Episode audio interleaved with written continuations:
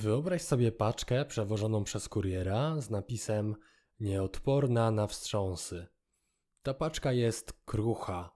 Każde wstrząśnięcie może nieodwracalnie uszkodzić zawartość. Zastanówmy się, jakie jest przeciwieństwo takiej przesyłki. Odporna na wstrząsy? Jakiekolwiek turbulencje nie zmieniają jej stanu?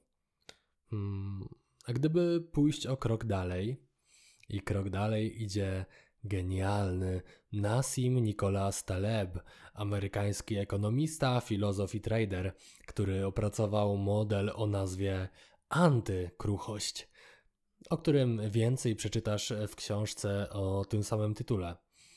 Antykrucha paczka to taka, którą każdy wstrząs ulepsza. Bądź jak taka antykrucha paczka. Niech każdy wstrząs, problem, błąd, kryzys czy trauma uczy cię i sprawia, że stajesz się lepszy, silniejszy i mądrzejszy. Proste i genialne, prawda? To jest podcast Zasady Gry. Do następnego razu.